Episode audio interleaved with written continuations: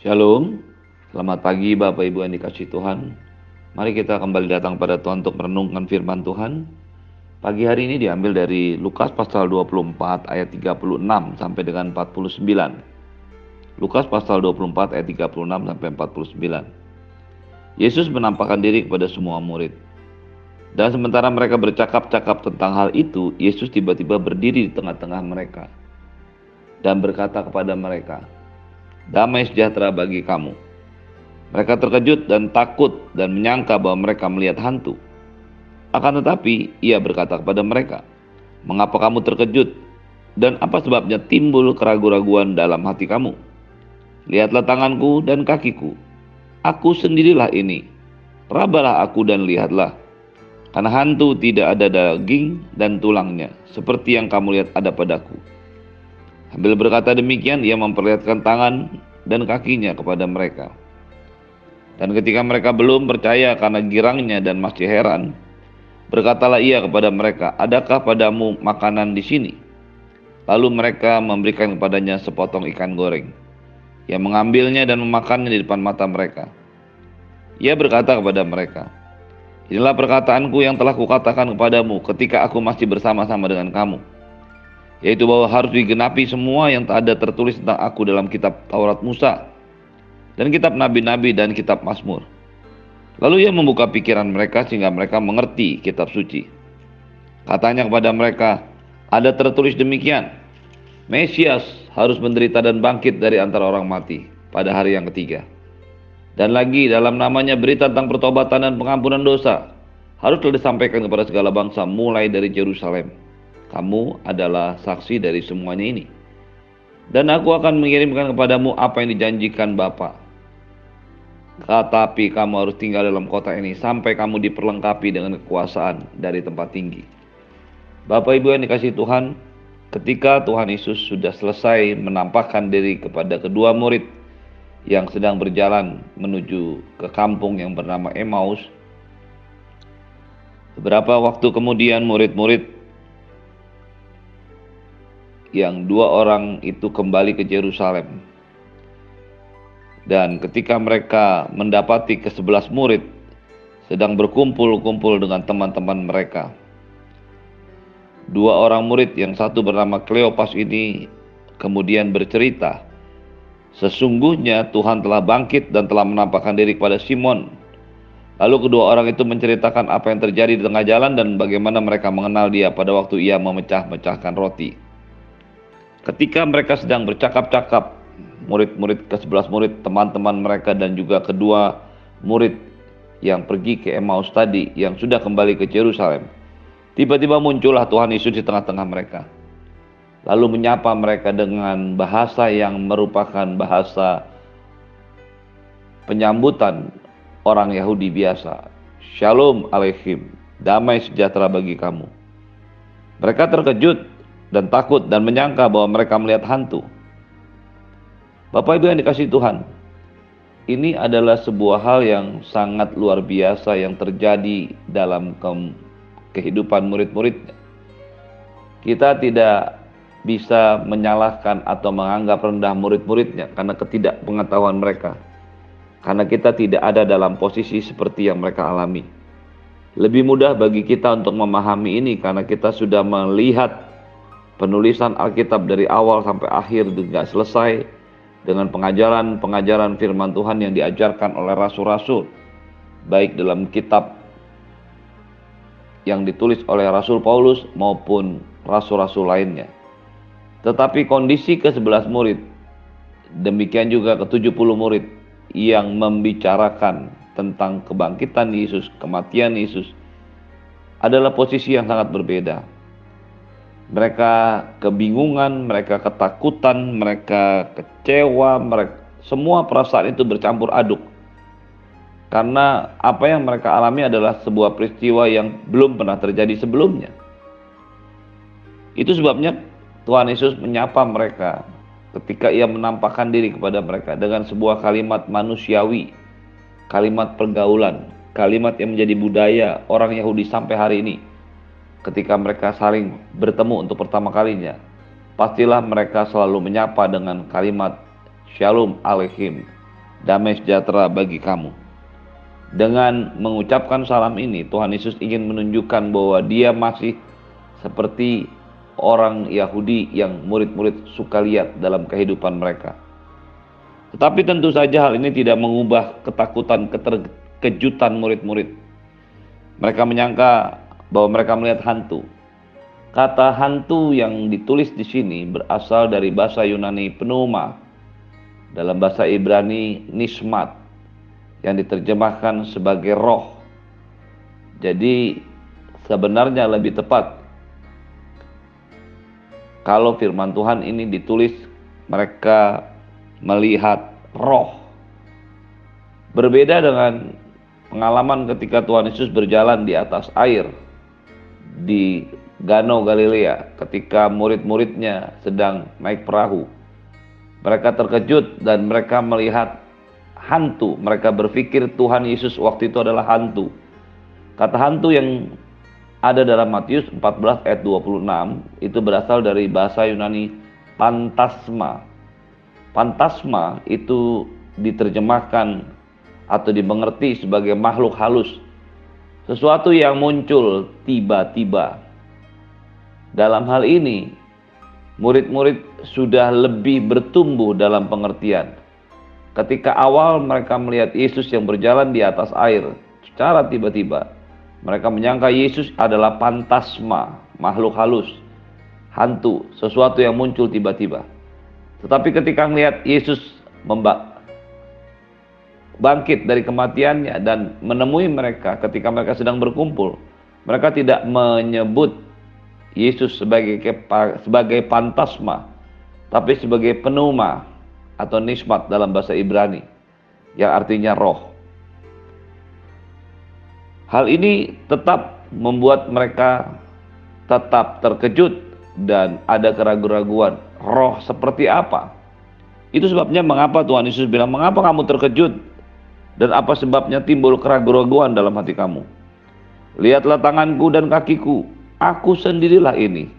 Karena ada lubang bekas paku. Rabalah aku dan lihatlah, karena hantu tidak ada daging dan tulangnya. Seperti yang kamu lihat padaku.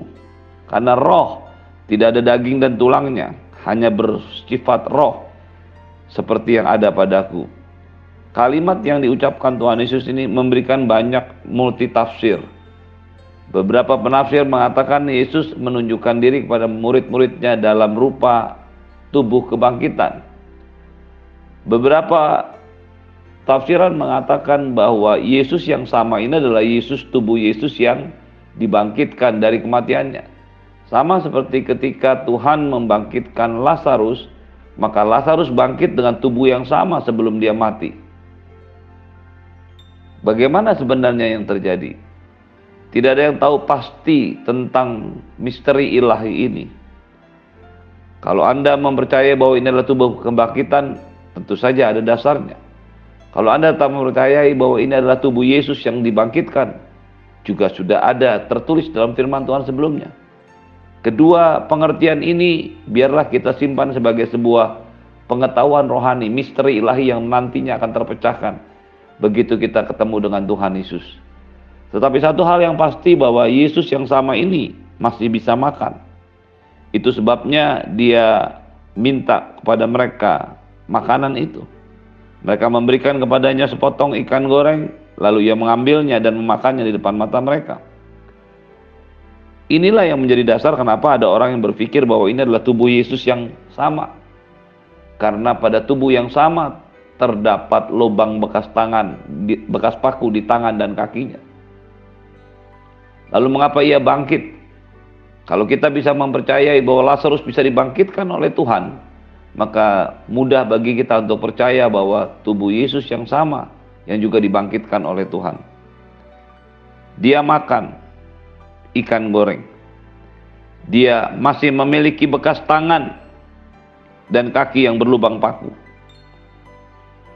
Lalu ia mulai mengajar mereka.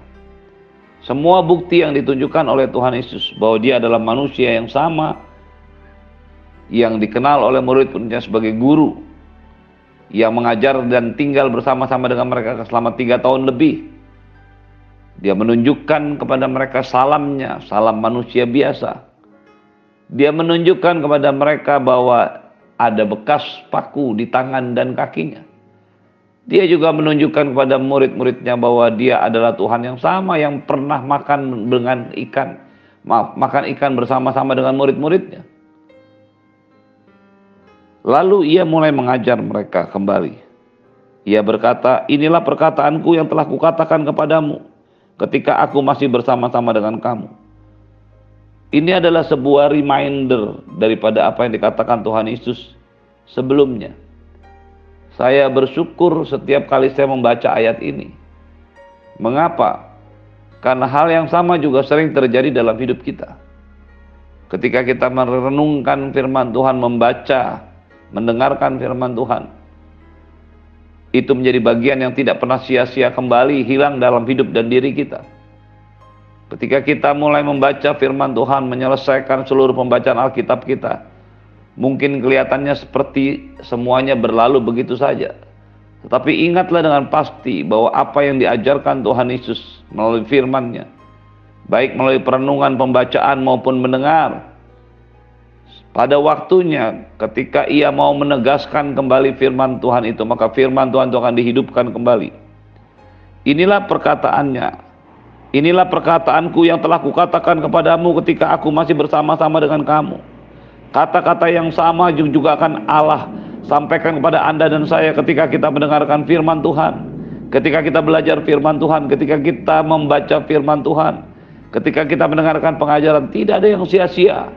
Firman Tuhan yang sudah pernah Anda dengar, baca dan renungkan, firman Tuhan yang pernah Anda baca, pelajari dan dengarkan, itulah yang juga akan diingatkan Tuhan dalam hidupmu.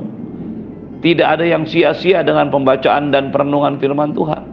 Tidak ada yang sia-sia dengan mendengarkan firman Tuhan karena semuanya akan diungkapkan kembali, akan dikatakan kembali oleh Tuhan melalui Roh Kudus. Itulah sebabnya mengapa dia mengatakan, Yesus mengatakan pada murid-muridnya, Dialah yang akan mengajarkan segala sesuatu kepadamu dan mengingatkan kamu akan semua yang telah kukatakan kepadamu. Yohanes pasal yang ke-14 dan 16. Pekerjaan Roh Kudus adalah mengingatkan apa yang sudah dia pernah sampaikan mengingatkan apa yang pernah Anda dan saya dengar, mengingatkan apa yang pernah Anda dan saya pelajari, renungkan. Penting bagi hidupmu, penting bagi hidup kita untuk selalu memelihara firman Tuhan, mengisi hidup kita dengan firman Tuhan. Biarlah firman Tuhan menjadi kekuatan alami, harta karun yang ada dalam diri kita. Bukan tidak mungkin Tuhan berbicara langsung kepada kita.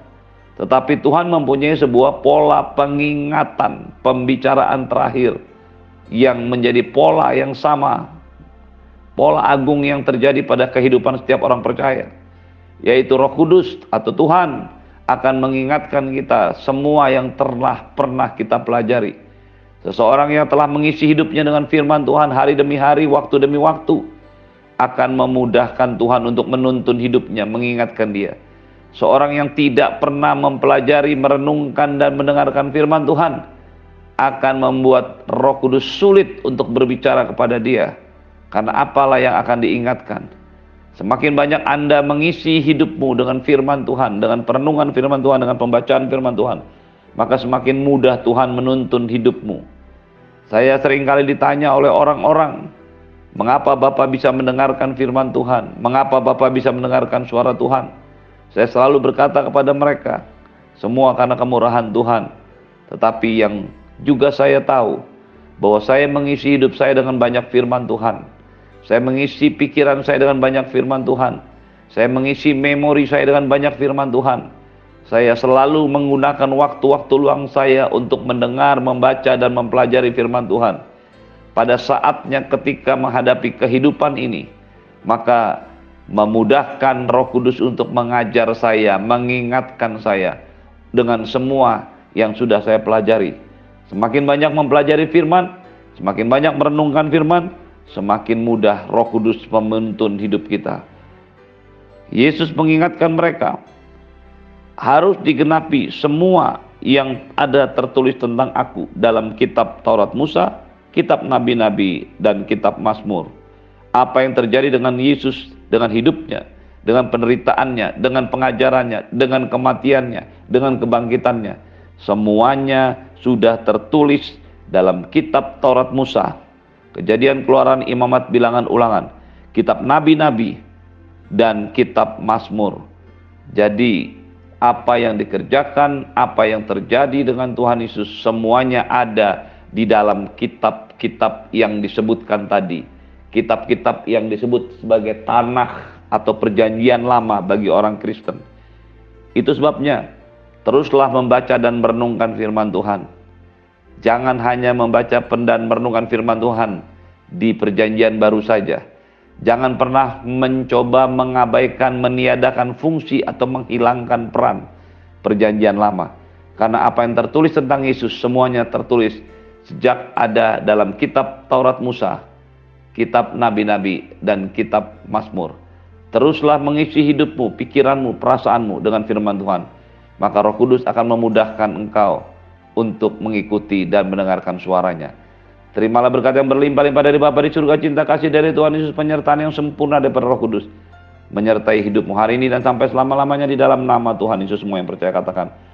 Amin. Selamat pagi, Shalom, Tuhan Yesus memberkati.